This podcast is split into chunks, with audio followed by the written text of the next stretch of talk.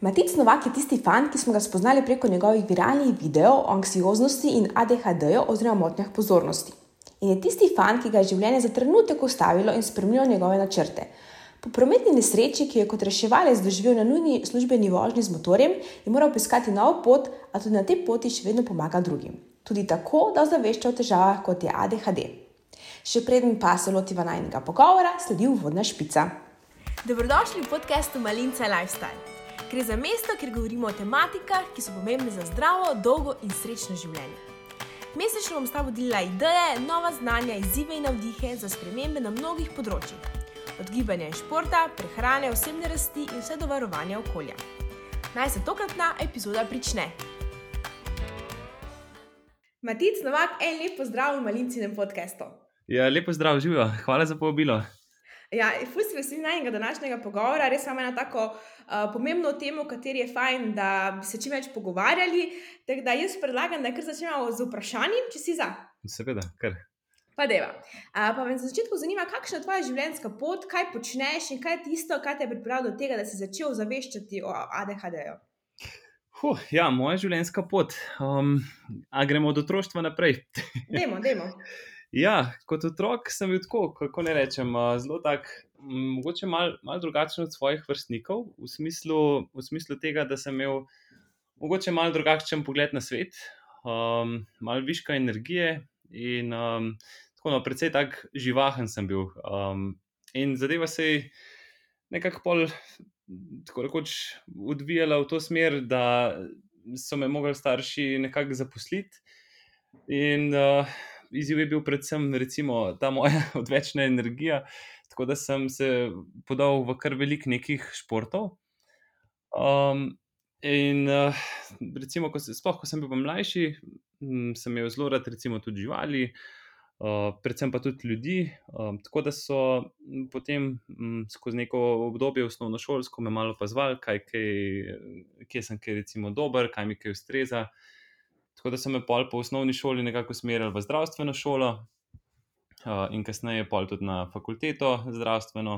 Um, vmes sem mal delal na, um, na urgenci, ker sem bil uh, zaposlen kot reševalc. Uh, potem sem delal tudi v Ljubljani, sem bil reševalc na motorju svoj čas. Uh, delal sem tudi v slovenski vojski kot, um, kot nek combat medic, to je bilo v pogodbeni rezervni sestavi.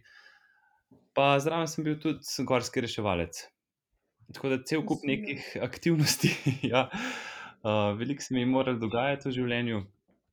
Je bilo pa moje, tako rekoč, vsa ta obdobja, recimo od otroka, mladostnika in zdaj v odraslem, začetku nekega odraslega obdobja, precej tako zanimiva, skozi se je nekaj dogajalo, no, nikoli ni bilo dolg čas. Ja, kaj, kaj, pa, kaj pa te je v bistvu pripeljalo, pripeljalo do tega, da si začel zaveščati o ADHD-ju? Ja, zdaj, ko sem bil v osnovni šoli, ne, se je, se je pri meni začela ta moja živahnost in ta, ta recimo, višek energije. Se je recimo zraven pospremil še nek, nekaj težav, sicer s pozornostjo. In to se je začelo že v nekem tretjem razredu, oziroma že v prvem so opazili, ampak takrat je bilo tako, več ali manj prvi in drugi razred sta bolj bazirana recimo na igri, pa pol se počasi stopnjuje z, recimo, z drugim razredom, malo šola ne, in uh, te snovi, jemanje snovi. In s tem se je tudi začeli izražati, mogoče moja, mogoče kakšne druge težave, ki sem naletel na njih. In uh, zelo kmalo smo ugotovili, da pa vsi ti, če lahko rečem temu, zdaj, jaz, jaz sem mal v, v zdravstvenem, uh, zdravstvenih vodah, tako da bom kar rekel simptomi. Um, so se v bistvu začeli nekako kopičati, in um, malo sem imel srečo, da je, da je moja mama učiteljica, tako da je v bistvu jih nekako zelo hitro prepoznala in jih umestila kot. Um, se pravi, če daš skupaj motnje pozornosti, neko, neko hiperaktivnost in mogoče kakšno impulzivnost, se pravi, vse to je nekako nanesel na nek ADHD. In um, takoj, ko so me nekako malo mm, bolj podrobneje pogledali in se malo pogovorili z mano in me malo bolj opazovali, so dejansko opazili, no, da, da ga imam. In jaz sem pa šel skozi osnovno šolo, no, skr skozi eno tako, lahko rečem, kar kalvarijo, uh, ker sem spoznaval samega sebe. um, in ljudi, kako, v kakšnem odnosu so z mano. In um, to se je pa tudi naprej peljalo v srednjo šolo, uh, skozi puberteto. In um, zdaj v odrasli dobi sem pa videl, takrat me je v bistvu nekako to me je motil, ampak nisem tako vedel, kaj je z mano, oziroma zakaj sem tak. Zdaj v odrasli dobi pa to veliko bolj drugače dojemam. Tako da uh, bi rekel, da sem videl to kot en problem, katerega moram rešiti. Ampak šele, ko sem začel svojega reševati, uh, so začeli do mene pristopati ljudi, razni starši in pa tudi otroci, ki imajo pa podobne težave. In um, tam sem pa pol videl, da nisem edini v tem, ne, da nas je seveda več, oziroma zdaj vidim, da nas je ogromno. Um, in pol je meni to, meni to podal kot na neko misijo. Pač nekako bi kar celo, cel svet rešil tega. Uh, yeah. tako da tako. No. Iz tega tudi pol Instagram, mislim, iz tega tudi potem uh, si začel osveščati na Instagramu. Tako, tako. Z tega je to pol pripeljalo. Tako. V bistvu sem skozi osnovno šolo nekako so me starši probali zaščititi in da nisem to govoril o tej svoji težavi, ker so se bali, da sem zelo izražal željo po raznih takih poklicih, um, reševanje, vojska in vse to. Uh mhm. -huh. So se bali, da bi mogoče ta diagnoza slabo vplivala na mojo karjerno pot. Tako da sem nekako bil naučen, da ne razlagam tega naokrog, da nisem tako, ne poudarjam tega. In če čisto po pravici povem, sem zelo dolgo časa živel v nekem zatiranju samega sebe. Tako da, pol, ko, sem pa, ko sem pa to nekako sprejel in rekel, zdaj pa dosti, jaz tako ne morem več, da samega sebe ne, ne dam v svet, kar sem. Um, pa se je pa to začelo odvijati. No, in um, dejansko sem začel kar, kar fejst opozarjati na ta problem. In um, ja, nekako hočem to spremeniti na no, svetu. No, ful dobro. Uh, sej, imamo še kar veliko vprašanj, ki se to mogoče malo na, na to navezujejo, kar se zdaj govori. Se mi zdi fajn, da mogoče uh, začnemo malo pri osnovah za tiste, ki te um, diagnoze ne poznajo. Uh, če sam lahko nam razložiš, kaj to pomeni, pa kaj pomeni kratica ADHD. Ja, to je v bistvu um, tujka in sicer uh, iz tujke izpeljana, no, sicer Attention Deficit Hyperactivity Disorder kar pomeni nekak, neka težava s pozornostjo in uh, pridruženo hiperaktivno, uh, tako rekoč, motnjo, če lahko. Um, v bistvu, če bi jo nekako opisal, pomeni, da je naša pozornost um, nekako drugačna od neurotipičnih, kar pomeni tistih, ki uh, nimajo ADHD-ja. In sicer. Za razliko od tega, da je mogoče razpršena uh, povsod, uh, konstantno so naša čutila uh, bombardirana s, to, uh, z nekimi državljami, in mi jih konstantno zaznavamo, in zelo težko jih usmerimo tako dejansko na enega, kot da bi naredili tak tunelski vid. Uh, to zelo težko naredimo ne? in zato je ta deficit v pozornosti. Zdaj, hiperaktivnost je pa, je pa samo nek, nek naboj energije, ki je, ki je pa precej lahko. Um, Tako da to je nekako tako grob, grob, uh, groba razlaga ADHD. -ja. Pa se ti zdi, da je teh motnj pozornosti danes vse več, ali samo malo bolj prepoznavamo, pa jih včasih se dejansko ni tako prepoznalo, ker se mi zdi, da se v zadnjem času o tem res veliko več govori, kot pa v preteklih letih. Ja, to je zelo dobro vprašanje. Je, je, če me kdorkoli me to vpraša, sem vedno tako. Ja, to bi bila res dobra raziskava. Ne? Ker dejansko uh, tuje, tuje študije kažejo na to, da je v, recimo, velik porast o predpisovanju terapije za ADHD, sploh, smislu, uh, sploh na področju Amerike. In uh, te, na podlagi tega lahko sklepam zdaj dve stvari. Ali, je, ali se je diagnostika uh, zelo poboljšala, uh, s tem tudi pač gov, uh, govorjenje o tem ADHD, oziroma da je veliko več govora in se. Um, v bistvu starši lažje prepoznajo otroke, otroci se lažje prepoznajo v tem. Um, ali pa se je diagnostika tako izboljšala, da se jih uh, že v šolah lažje odkrije, ali pa celo prej, ali pa je dejansko ADHD res v porastu, kar je pa v bistvu, kar pa na nek način tudi je. Tako da to zdaj, na, da bi lahko zagotovo na ta odgovor odgovoril. Ja, zelo težko, ne, ne morem. Ne morem. Ja, zakaj pa se sploh pojavi ADHD? Ja, zdaj, zelo, zelo močan je ta, kako bi rekel, genetski faktor, uh -huh. kar pomeni, da se prenaša nekako iz naših prednikov naprej. In um, obstajajo tudi drugi razlogi, sicer um, tako, medicinska literatura jih razdeli na recimo um, zgodne in pozne okoljske dejavnike. In sicer, če, če jih damo za razliko od genetskih. Uh, in sicer okoljski so pa tako, lahko so recimo kakšne težave pri porodu um, ali pa že med samo nosečnostjo. Recimo jaz, moja zgodba je bila taka, da sem po, mislim, da, mislim, da okrog dveh mesecev bil operiran za kilo. In takrat je prišlo do, mislim, da mal, moje telo je zelo burno odreagiralo na, na uh, anestezijska zdravila. Tako da sem bil v neki dihalni stiski, um, in sicer dve minuti ne bi bil brez kisika. In nekako lahko da to povezujejo tudi z nastankom ADHD-ja, uh, kar pomeni, da so to neki, neke mehanske poškodbe. Um, lahko se zgodijo tudi zaradi kakšnih padcev, udarcev, um, lahko so pa tudi, recimo, matere, kašne, ki, ki med porodom zlorabljajo droge. Um, ne med porodom, pač med, med nosečnostjo. Ja, um, zlorabljajo kakšne droge, alkohol. Um, dokazano je bilo tudi, mislim, da je neka študija tudi o tem, da kajenje tudi vpliva lahko na to. Um, ampak to, to je zelo taka siva cona. No. So pa tudi pozni dejavniki, kar se pa zdaj upaža, da je recimo porast ADHD-ja uh, zelo, naprimer, zaradi uporabe tehnologije. Uh, so v bistvu, jaz, jaz temu pravim, telefoni in, in uh, internet, in vse te socialne mreže, in TikTok. In to, pač, to so za moje pojme vse dopaminske črpalke.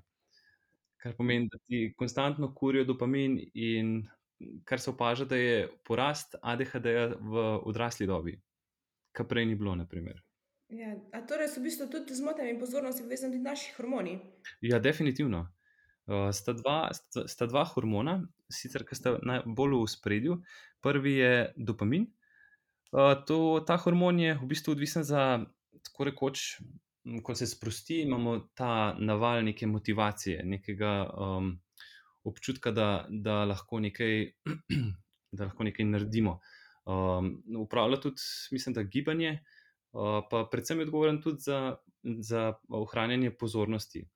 Um, naj bi bil to včasih veljal bolj za uh, ta reward oziroma hormon nagrade, ki ga dobiš, recimo, ko, ko upraviš neko funkcijo do konca ali pa neko, neko nalogo, nek, um, domačo nalogo, uh, kažne, v službi, kakšen projekt narediš do konca, seminarsko. Skratka, ko ti nekaj uspe, nek cilj dosežeš, se ti sprosti dopamina. Ne, ta, um, Je pa ta, ta, ta hormon v bistvu odgovoren za nekako ukrepi prenos signala no, v neurotransmiterjih, um, spravo, da ga malo amplificira oziroma ujača. Um, ta, drugi, ta drugi je pa noradrenalin. Ta, ta hormon te pa v bistvu spravi, spravi telo in, in um v akcijo. Uh, rečemo, noradrenalin se sprosti zjutraj, ko sonce posije v, v prostor, uh, v spalnico se naše telo avtomatično sprosti noradrenalin, zato da nas spravi po koncu. Um, je pa tudi zelo, zelo uh, odgovoren za, za pozornost, um, se pravi, zdraži telo. Uh, pa, kar je zelo zanimiv, uh, priklic spomina, ne? ker ADHD-jevci imamo malo težav z tem kratkoročnim uh, oziroma delovnim spominom. Nas, je pa tudi tako, je pa odgovoren tudi za neko, neko preznost, da smo bolj, bolj, ko bi rekel, da imamo oči na peclih. Um, tako da, ja, to sta recimo dva uh, najbolj tipična hormona. No. Pa, pa če se še malo vrnem na prejšnjo vprašanje, pa, ko so te pač diagnosticirali, da imaš ADHD, ja. se potem tudi ugotavlja vzrok, kaj je vzrok za to, ali, ne, ali danes lahko pa ti sam se tega lotiš, pa ti poskušaš ugotoviti, ali je to v okviru zdravstva se to ugotavljajo, kaj je vzrok za pojav. Ja, kar se jaz spomnim te same diagnostike in tega je bila neka odzeta neka družinska anamneza. Uh, so se pogovarjali tudi in z mamo, in z očetom, so naredili profil in enega in drugega, da so videli, če kdo ga ima, uh, če ga ima kdo od njih. No? Um, in pa seveda, ja, tudi, to, tudi ta zgodba, ki sem jo prej povedal, s tem pomankanjem kisika je prišla v spredje. Tako da jaz lahko rečem, vsak, vsak se lahko precej najde v teh simptomih ADHD, ne sem pa tja. Ampak. Um, Zdaj, tistega pa ima, ko, ko, ko jih je prisotnih malo več in ko, ko res trajajo daljše časovno obdobje. Ne. In um, Ja, je, je, bila, je bila v bistvu ta debata, kaj je vzrok, ampak nismo posvečali toliko pozornosti temu, ker so se bolj um, obadali s tem, kako mene, um, kako prilagoditi mojo težavo z šolskim procesom. V smislu odločbe, kaj, kaj bi mi meni najbolj odgovarjalo, da bi mi pomagali. Tako pa tudi govore je bilo o zdravilih. In, um, bo še prijemalo do teh zdravil. Ja. Kje ti tipi ADHD-ja pa obstajajo? Ja, poznamo, poznamo tri tipe. In sicer um, tako je prvi, je recimo nek tak zelo tipičen nepozoren, ki um, ta, ima težavo v bistvu z ohranjanjem svoje pozornosti, uh, je mogoče malo bolj tak, uh, zmeden, deluje, uh, mogoče neposlušen, um, pozabljiv. Um, težko, težko obdrži pozornost, recimo na, na neki nalogi dlje časa. Um, pa imamo impulzivno hiperaktiven tip, to je drugi. Ta je v bistvu. Ta nima sploh toliko težav z pozornostjo, ampak je bolj, bolj konstantno v pogonu, um, ne, ne, nima nekega obstanka.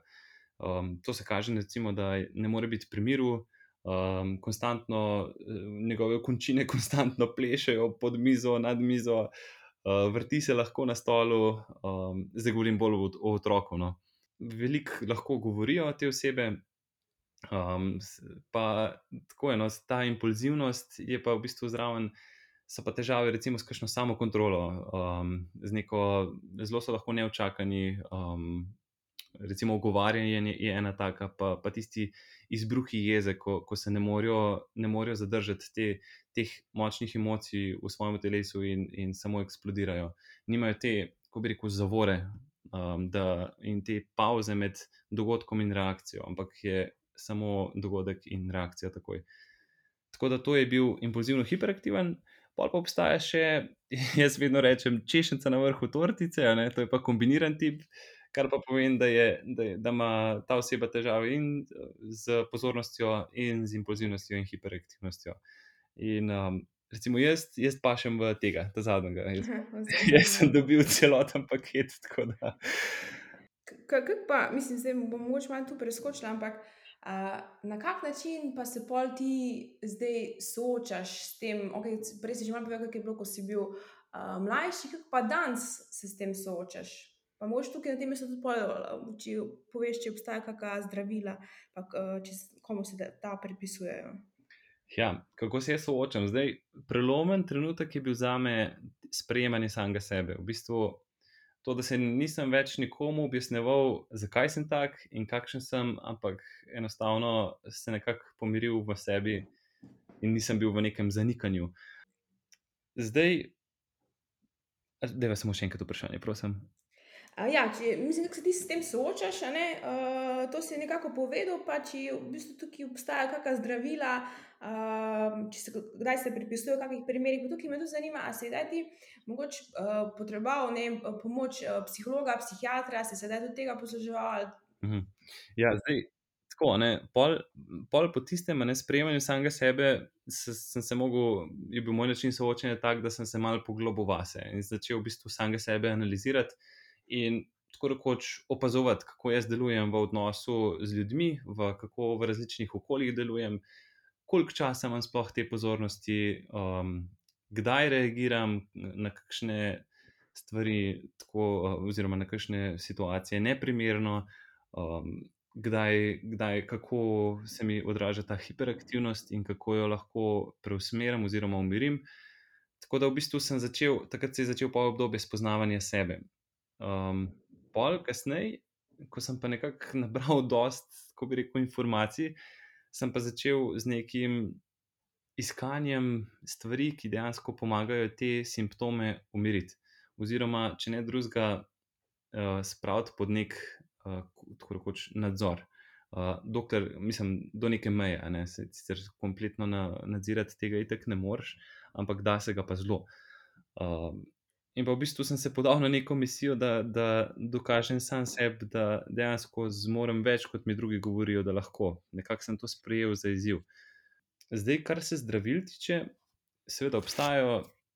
Obstajata dva, jaz tako pravim, dva načina zdravljenja tega, ampak ta zdravljenje mi je zelo tako ko bi rekel, plastična in tako mogoče neprijetna beseda, ker jaz se nimam za bolanga in um, res, da so moji možgani, če bi jih zdaj šli gledati, ne, pod, um, ko bi rekel, kako delujejo. Če bi šli meriti te možganske valove, pa uh, kateri deli možganov so bolj vzdraženi in kateri manj, bi videli, in če bi dal zraven osebo, ki nima ADHD, bi videli razliko, ne, sploh v tem frontalnem režu, ki smo tukaj v čelu. In še vsem, pa ne morem reči, da, da to zadevo zdraviš, ker dejansko je nek primankljaj v, v določenih hormonih. Tukaj sta dve teoriji. In sicer ena je, da, da, da ga prehiter naši možgani pospravijo ta dopamin, recimo, druga je pa, da se ga premalo izloča. Ampak zdaj, zdaj sem malo zašel, no, ampak da se vrnem nazaj.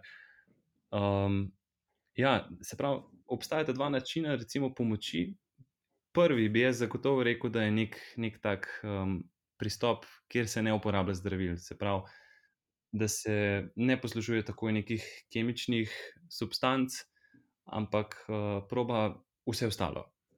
Uh, zdaj, če to ne gre, oziroma če, če so simptomi premočni in prehudi, seveda obstajajo, oziroma tako, da to osebo dejansko res uvira, pa da ji onemogoča nek neko optimalno delovanje v, v recimo, šolskem okolju, uh, ker je pač to nek pogoj, da, da sploh lahko taka oseba nekako preživi v družbi.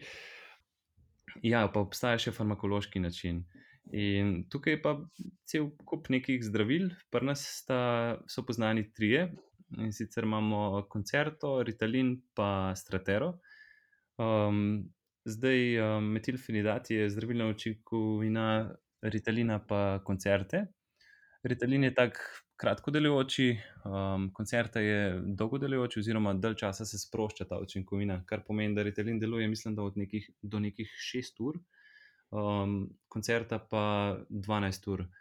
Um, obstaja... Kaj pa ti naredijo ta zdravila? Mislim, kas, kaj... ja, ta zdravila, dobro vprašanje spet, spet se bom postavil v dve vlogi. Ne? Bom dal recimo neko osebo z ADHD in pa neko osebo brez. In sicer ta zdravila sprostijo ogromne količine dopamina v medsinaptično škranjo. In um, zdaj, če bi šli gledati kemijsko strukturo, uh, recimo Ritalina, bi lahko ugotovili, da so skoraj na las podobni amfetaminom. Uh, to je v bistvu, lahko rečem, tudi drugi, kot je naprimer spid.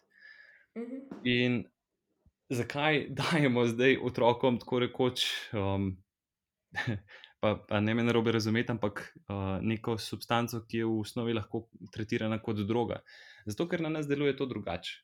In sicer, če bi gledali otroka, ki nima ADHD in bi mu dali to zadevo, bi njega to dvignilo, um, bi mu dali nek naboj energije, ravno tako bi se skoncentriral. Skratka, boostali bi mu vse te kvalitete, ki jih dopamin povzroča. Pri nas No, mi imamo pa občutek, ko, ko, ko vzamemo to, seveda v primernih količinah, marsikdo reče, da aha, tako se vi, ki ste normalni, počutite. Skratka, mi smo pa tako, uh, predvsej nas umiri, sposobni smo obdržati fokus dlje časa na neki nalogi. In tudi, če bi nam bila, recimo, prej nezanimiva in um, da bi doživljali do nje močen psihofizičen odpor. Uh, bi na tej substanci to lažje delali. Naprimer, um, recimo inštrukcije za matematiko. Um, če ima kdo težave na tem področju, pa da mu je to že odvratno, recimo v osnovi, bi to zelo lažje predelal. Ne? Ampak ja, seveda v primernih dozah ne? in uh, starosti, in pa seveda um, otroku, otrokovim težavam, primerno. Sam, kaj, kaj pa preko si rekel, evo, ena opcija je, da pač brez zdravil, ne, pa da probaš vse ostalo. Kaj pa je to vse ostalo, kar lahko probaš, pa da niso zdravila? Zdaj, jaz zagovarjam eno stvar. Ne, sicer možgani pravijo, da so kot neka mišica, kljub temu, da niso, ampak se jih da ne trenirati. Se da v bistvu ustvariti. Naši možgani so tam od nekega četrtega leta pa mislim, da tam do 12. imajo eno tako zelo zanimivo sposobnost, ki se ji reče neuroplastičnost. In kar pomeni, že vsi vemo, da so otroci kot spužva, ki samo upijajo neko znanje in, in ga, da se v tem obdobju da največ narediti. In jaz zagovarjam to, da dejansko, če ti s tem otrokom delaš na primeren način, kar pomeni, da krepiš področje, kjer so šipka, z nekimi primernimi vajami, kot je um, naprimer samo krepitev spomina, pa um, vaje, kjer otrok skozi igro ohranja neko pozornost, ali pa skozi kakšne dejavnosti preko telesa. Naprimer, um, meni je zelo zanimivo, recimo, streljanje. Jaz sem bil cel življenje kot streljc. Um, sem treniral biatlon, uh, pa sem treniral tudi uh, streljanje tako zračno puško, pa um, tudi v vojski naprej sem bil zelo dober streljec in je zelo zanimiv. Kako lahko tam pa ohranjam neko pozornost in jo držim, in v bistvu se da to zadevo zelo dobro natrenirati.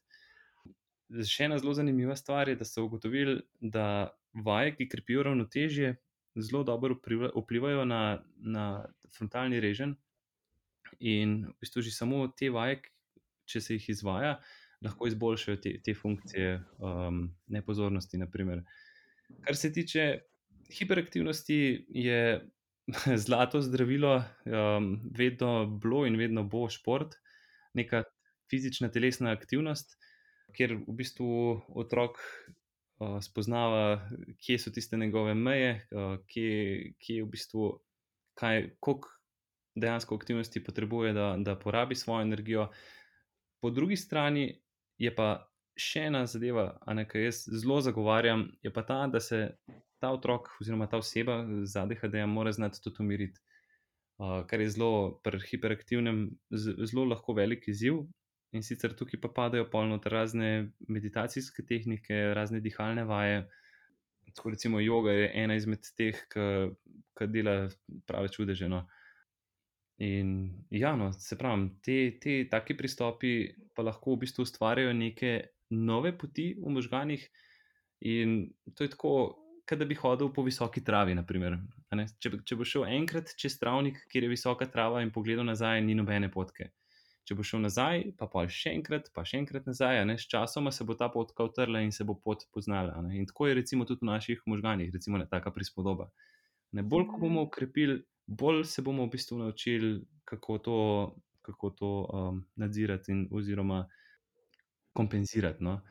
Um, je pa še ena stvar in sicer zdravila, ne, zakaj Malo se sliši kontroverzno to, ne? zdaj bomo imeli pa otroka na zdravilih. Sploh tako sloves, kakšen ga imajo in starši se ga mogoče malo bojijo, niso slaba in sploh pa ne v primerih, ki jih dejansko otroci potrebujejo.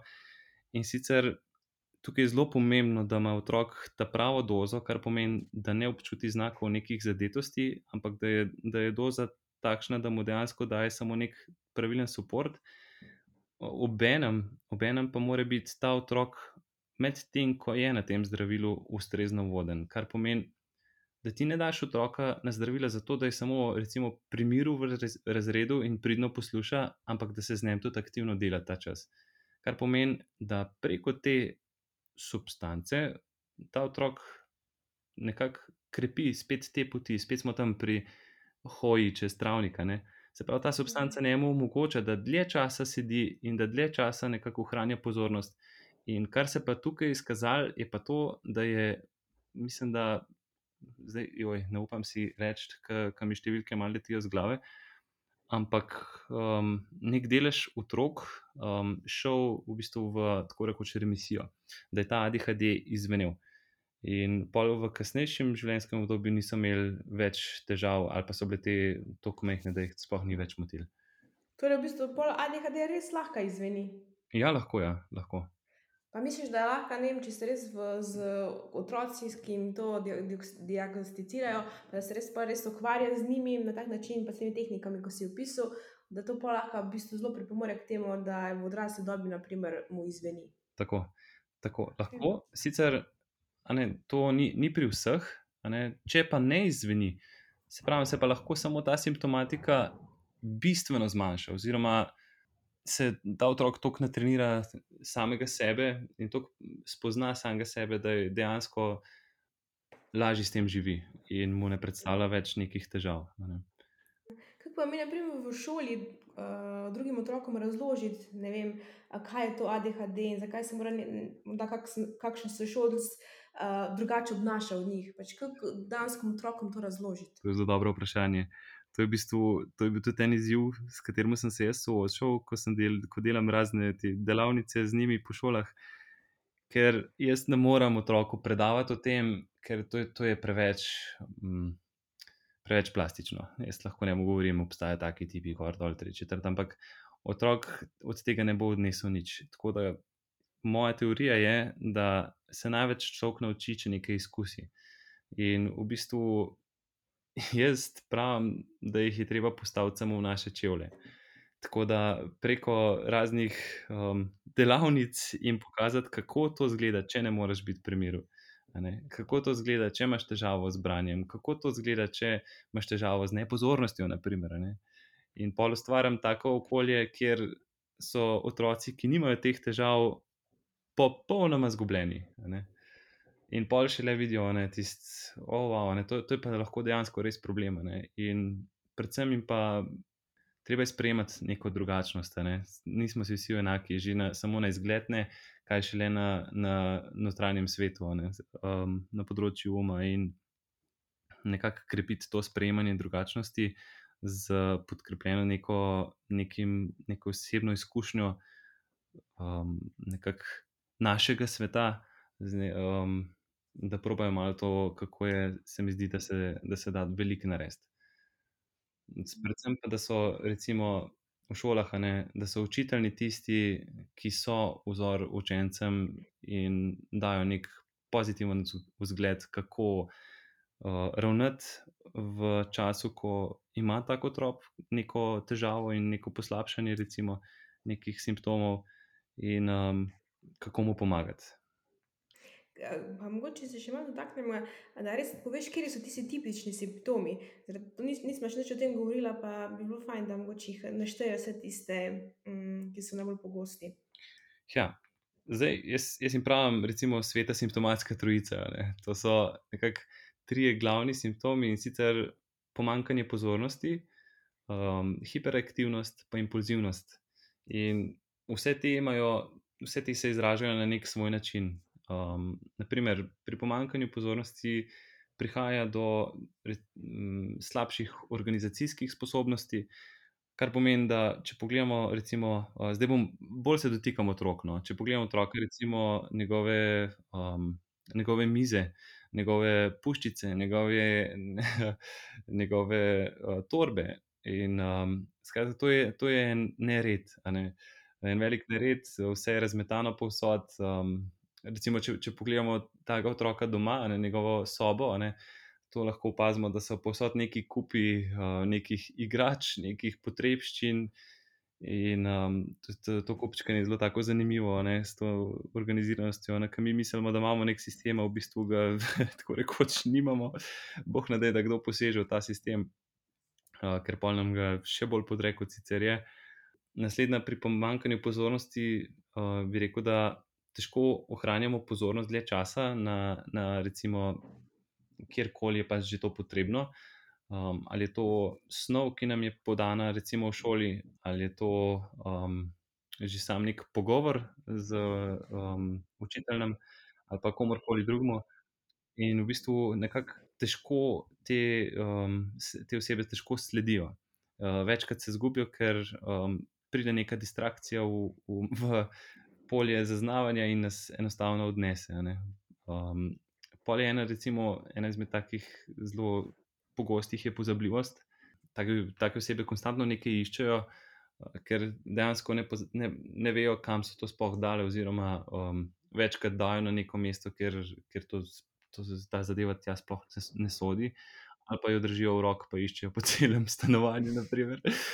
Um, in tle, tle je še ena, no, ki je zelo taka večkrat nam očitajo, da smo neposlušni, ampak to ni res.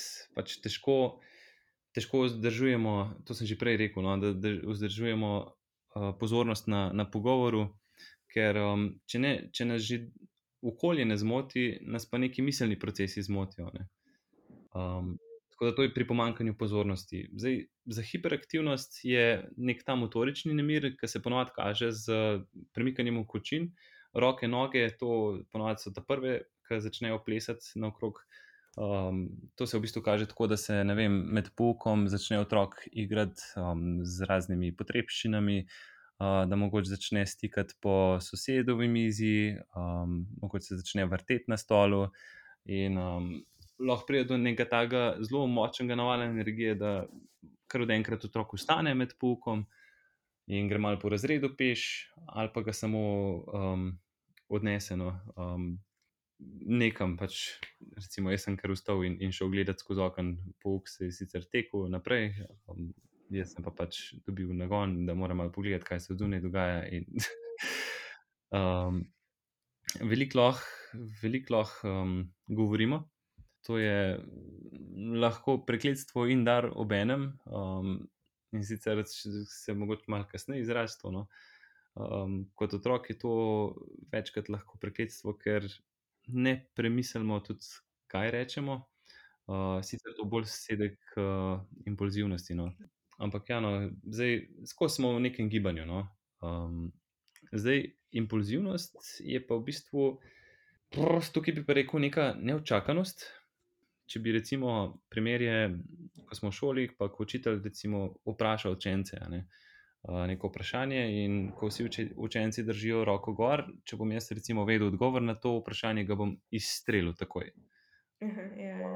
Obenem se to pokaže tudi v pogovoru z neko, oziroma v dialogu, in sicer tako, da sega v besedo ta, ta oseba, da enostavno ne dovoli, da dokončaš. Ne? Ker kar se doskrat dogaja, je to, da pozabiš, kaj si hotel povedati, ne? in taka tak komunikacija pol ne steče do konca težave so tudi malo samo kontrola um, v različnih okoljih. V bistvu tukaj lahko damo vsa čustva na paleto gor. In kar se tiče jeze, žalosti, sreče in ve, nekega veselja, uh, nimamo neke meje. Ne? Pa recimo, predvsem so pa ti izbruhi, močni izbruhi impulzivnosti v smislu jeze. Te, te, so pa, te so pa najbolj nevarni, sploh če če se tak, taki osebi jeza ni mogla izraziti v nekem primernem času in na nek primeren način, da ni mogla izraziti na, na tak način, da, da ne bi škodoval sebi ali pa ostalem. Ne. In doskrat s tem upravljam efekt ekonomlonca. Se pravi, pritisk v človeku se nabira, nabira, in če ne bo mogel izraziti, bo pritisk tako močan, da bo tisti pokrov na ekonomloncu raznesel. In takrat, takrat pa ta oseba lahko da v nekem afektu sploh ne ve, kaj bo počela. Ali bo besedno nekoga prizadela, ali pa fizično nekoga poškodovala. Ne? In te, to je pa področje, pa tisto, ki je mogoče malo nevarno. Ne? Kako ne vem teh a, simptomov, a, pa naj bi imel, da, da te podiagnosticirajo, da imaš ADHD, ali na kak način ti ga podiagnosticirajo? ali ti pogledajo pač možgane, pa vidijo, da drugače delujejo. ja, ja, zdaj, zdaj za, za samo diagnostiko ne morejo biti ti simptomi prisotni že kar, kar precej zgodaj v, otro, v otroštvu. Mhm. In uh, gleda se v bistvu pred nekim sedmim letom starosti. Um, ja, ne bi se že pojavili. Um, to je v bistvu v, recimo, v obdobju vrca že. Se zelo lahko izraziti, lahko so seveda že tudi prej. Um, pa ponovadi opisujejo, da so recimo dojenčki malo bolj v kavi, da so um, konstantno gledajo po prostoru. Recimo jaz kot otrok sem konstantno gledal po kotih in iskal pajke, naprimer, in kazal na njih, um, ko se je recimo mami hotela z mano igrati ali pa kdo. Um, nisem dolg časa imel pozornosti na tem, ali pa sem se zelo hitro naveličal. In sicer prisotnih mora biti vsaj nekih šest simptomov, um, ki pa morajo trajati. Ne? In sicer trajanje je pa pol leta ali pa več. Um, in pa bistvo je pa to, ne, da se ne, ne kažejo samo v enem okolju, kar pomeni, da se to ne dogaja samo doma, ampak da se dogaja lahko tudi v šoli ali pa na kakšnih dejavnostih, uh, v kakšnem, recimo v športu. Um, skratka, da ni samo na enem področju, oziroma da to ne nakazuje na neke vedenske težave. Zdaj pa še eno vprašanje in sicer, kaj pomeni izraz hiperfokus? Jo, ja. ne, to, je, to, je tisto, to je pa tisto, kar jaz pravim, da, da, smo, da ni attention deficit, ne, ampak bi, je bolj attention different hyperactivity disorder. Ne. Kar pomeni, da je naša pozornost samo drugačna, ker mi pozornost imamo. ne, samo ne moremo jo obdržati na, na eni točki, razen v primeru hiperfokusa. To je, pa, to je pa ena izmed super moči, ki jih, ki jih mi imamo. In sicer to je pa neka nadpovprečna pozornost, ki jo lahko nekako vzdržujemo zelo dolg čas, kar pomeni tudi po več ur, medtem nimamo totalno, izgubimo občutek za čas. Um, zgubimo za občutek za uh, kakšne osebne telesne potrebe, uh, kar sem že rekel, takrat nisi ne lačen, ne že ne greš ne na vece, nič. Skratka, si v nekem močnem tunelskem um, svetu, ki je sfokusiran samo na tisto dejavnost, ki jo zelo, zelo rad upravljaš. Pri meni je bilo recimo to, jaz sem zelo rad sestavljal Lego kocke, pol kasneje sem zelo rad sestavljal neke modelčke iz um, take plastične, ki moraš rezati s kalpelom in jih zelo počasi, pinceto, tako zelo mikrogibe delati, da sestavljaš avionček. Um, in to so bili moji starši vedno zelo začudeni, kako za Boga jaz lahko ure presedim v sobi, brez da, da bi me karkoli zmotila. Ne. Recimo, pol kasneje sem jaz hiperfokus odkril um, v svojem delu in sicer v kakšnih zelo težkih intervencijah ker sem dejansko padel v nek tak balonček in se mi je vse skladalo skupaj. In, um, to je lahko dejansko res super močno, če jo, če jo odkrijemo pri otroku, oziroma sam pri sebi. Um, zato, pa, da boš to odkril, moraš pa probati čim več stvari v življenju. S čim se pa ti trenutno ukvarjaš? Nisem nisi povedal. Ja, meni men se je mal, življenje malo spremenilo, no, um, tako no, kar drastično. Um, sem imel neko, neko prometno nesrečo. Tako da trenutno, kar počnem, sta dve stvari in sicer um, v službi delam z odvisniki, um, to je v bistvu v psihiatrični bolnici. Um, ta, ta druga je pa v bistvu se ukvarjam ravno s tem, no, sem se podal pa na neko misijo in sicer z ADHD-jem.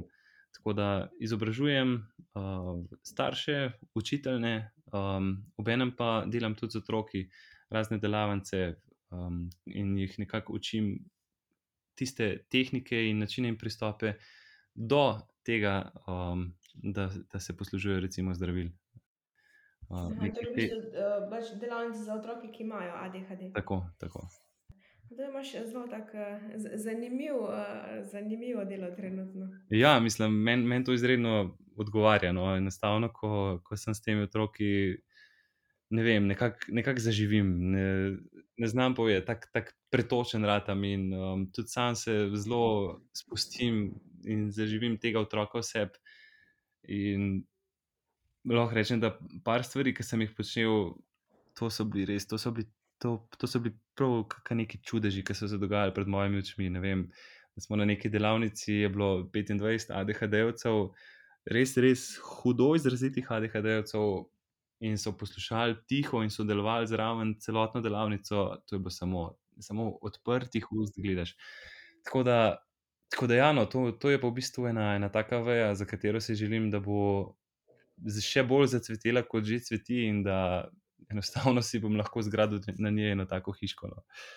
Ja, kje pa te ljudje najdejo, kje te starši, naprimer, najdejo, če bi hodili? Uh neke take delavnice s tabo? Ja, zaenkrat za zadevo oglašujem na Facebooku in Instagramu. Ok, to je na Facebooku, pa Instagram pod Matic Novak. Ne? Tako, ja, tako. Ok, sem to, da jih malo usmerim. Se bom dala še link do tvojih profilov. Ma, super, no, super. Ja. Zdaj pa za konec zanima še, m, katere so prednosti ljudi, ki imajo ADHD. Eno si že govoril o hiperfokusu, a še kaj druga takega za izpostaviti? Ja, dejansko je tako. Ne, ne moramo govoriti, to, zelo se nas drži ta negativen prizvok ADHD ne, kot, kot neka težava. Ne. Jaz temu pravim, da težava je samo, dokler časa moraš biti v nekem sistemu, eh, kar je recimo šola, ne, da te pripelje do nekega um, ustaljenega oziroma nekega varnega um, menika. Uh, v svojem življenju, kjer pa lahko napreduješ naprej. Tako da neke um, pozitivne lastnosti so definitivno za izkoristiti, recimo pri hiperaktivnih, ta višek energije, če ga znajo na nek pameten način pokoristiti in unovčati, to, to si mislim. To dejansko ne rabiš nobene kave, to ne rabiš nobenih poživil, ker je tak naboj energetski v tebi, samo pač najdeš moč področje, kjer, kjer ga lahko izraziš. Ta druga je kar, kar opažam, no, tudi pri sebi in pri drugih, je neka ta, ta inovativnost, oziroma ta, ta bujna in živa domišljija, ki jo premorejo te osebe z ADHD-jem, ker imajo zelo ta podarjen ta vizualni spektr v možganjih in, in lahko zelo si vizualizirajo uh, neke svetove in um, dejansko to lahko zelo dobro unovčijo in pokoristijo za, za neke nove ideje, tako da smo recimo zelo kreativni. Hiperfokus sem že izpostavil, to je, to je ena izmed, kako bi rekel, najkvalitetnejših supermoči, ki jih, um, ki jih dejansko druge osebe z ADHD-jem, um, mislim, da kar ne, ne morajo, no, um, ne morajo razviti. Um, in še ena je recimo empatija to, to ne moreš verjeti, kako lahko tako otrok uh, oziroma tako oseba začuti so človeka. Že samo zaradi nekih svojih lastnih izkušenj, ki jih je predobil skozi odraščanje, kako je živel kot drugačen in bil tretiran kot mogoče malo drugačen od ostalih.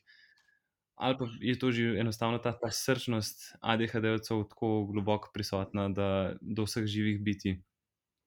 Um, tako da to, no, pa v bistvu je en tak, kako bi rekel, ta, ta drugačnost, ne, uh, ta, ta prikupna zmedenost, um, ki v bistvu uči nekako vse, ki pridejo v stik z, nas, z nami, nekega sprejemanja, nekega, uh, neke brezpogojne ljubezni. Um, to, no, to, to bi rekel. Ej, Matic, eh, hvala za vse tvoje odgovore in informacije. Mislim, da si nas res eh, dobro poučil o vseh eh, od imate HD-jo in možnostih. In res tale zaključno vprašanje je bilo še posebej mi všeč, da se lahko v bistvu iz vsake take. Stvari, tudi dobre stvari najdejo. No. Super, no. mm, teda, hvala, hvala za pogovor. No, z najve, najlepšim veseljem. Ja, hvala lepa, no, še enkrat za povabilo. No. Sem prav vesel. No, pa smo prišli do konca. Verjamem, da ti bo kakšna od informacij prišla prav na tvoji življenjski poti. Če imaš kakršno koli vprašanje ali predlog, mi lahko vedno pošlješ na moj e-mail nastjafnamalinca.si ali pa na zasebno sporočilo na Instagram malinca nastja. Ne pozabi stisniti subscribe, da ne zamudiš naslednjih epizod. Zelo vesela pa bom tudi tvoje ocene in mnenja pod to podcast platformo. Tako lahko pomagaš, da bo ta podcast prišel na hod tudi drugim poslušalcem. Imej lep dan in se slišiva spet k malu.